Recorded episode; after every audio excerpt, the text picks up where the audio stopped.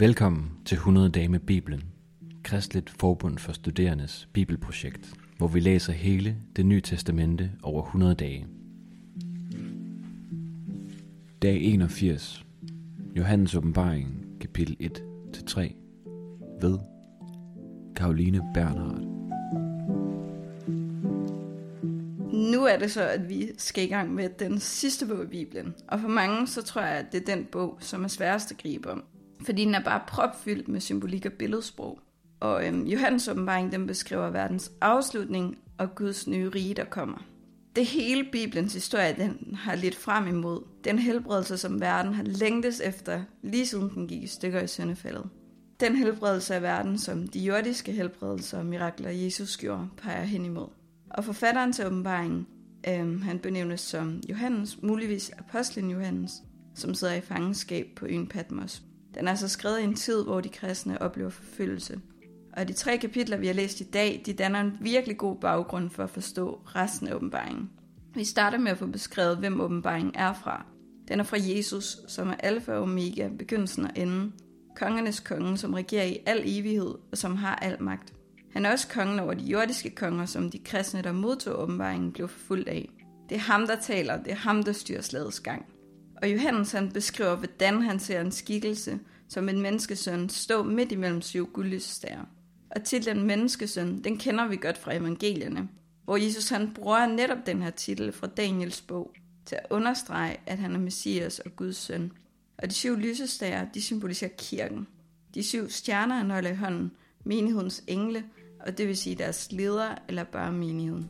Det vil sige, at udgangspunktet for den her bog, der for mig at se kan indeholde mange skræmmende alvorsord, er, at Jesus han står midt i kirken i blandt os, holder os i sin hånd og siger, frygt ikke. Og derfor så kan man se åbenbaringen som en trøst og en opmundring for os, der lever i en verden med lidelse. Og i kapitel 2 og 3, så blev Johannes bedt om at skrive syv hilsner til syv menigheder i Efesos. Smyrna, Pergamon, Thyatira, Sardes, Philadelphia og Laodicea. Og syv, det er fuldkommenhedens tal, så udover de specifikke menigheder, der skrives til, så kan vi også læse det som en formaning til hele kirken. Og først så roser Jesus menigheden i Efesos for ikke at have givet op på grund af forfølgelse, men tværtimod at være udholdende. De er blevet ved med at arbejde hårdt og ikke blevet trætte. Og det er en god ting, som Jesus beder os om at gøre, så vi kan være klar til, at han kommer igen. Men alligevel så siger Jesus, at de har mistet deres første kærlighed. Selvom de gør de rigtige ting og faktisk handler rigtigt. Og de ord, de kan virkelig lyde hårde. Og det synes jeg også, Jesus' ord i evangelierne kan. Og de er hårde, men Jesus han siger aldrig hårde ord, uden at der også er håb bagved om, at dem han taler til vil vende om til ham, og lade ham forny dem og tilgive dem.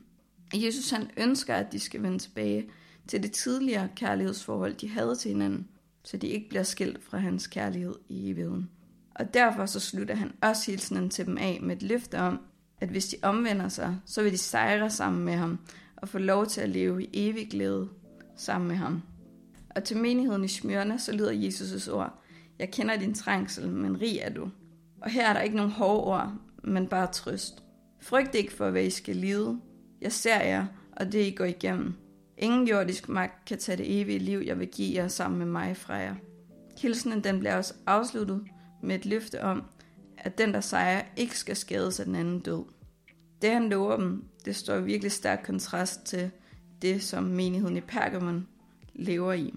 De bor ved satans troen, altså midt i en verden, hvor ondskaben og lidelsen blomstrer, og hvor de oplever, at deres kristne bror han endda bliver slået ihjel.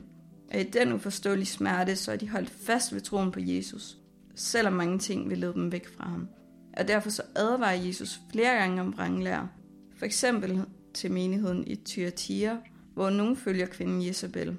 Og det er navnet på en ond dronning fra kongebøgerne, som leder folket til at gøre ting, som er onde i Guds øjne, og for eksempel tilbe afguder. Det er altså en opfordring til menigheden om at vende sig fra ondskaben. Og til Laodikea så siger Jesus, at de ikke er kolde eller varme. Man kan ikke lade være med at tage en beslutning om, om man vil vælge Jesus til eller fra. Det er alt eller intet. Og jeg kan ikke lade være med at sætte det, der bliver sagt til menigheden i Smyrna i kontrast til det, Jesus siger til menigheden i Laodikea. Fordi i Laodikea er de uvidende om, at de er ynkelige, blinde, fattige og nøgne. De tror, de er rige. Men Jesus, den gode hyrde, han vil sørge for dem og genoprejse dem hvis de vender sig til ham. Salige er de fattige i ånden, siger Jesus også i Matteus evangelium. Himmeriget det for dem, der ved, de har brug for hjælp. Og hvis vi erkender det, så siger Jesus, at han vil åbne døren, komme ind og holde måltid hos os. Have fællesskab med os, hvis vi bare lukker ham ind. Spørgsmålet, der står tilbage for mig, bliver altså, vil du lukke ham ind, fordi han står og banker på?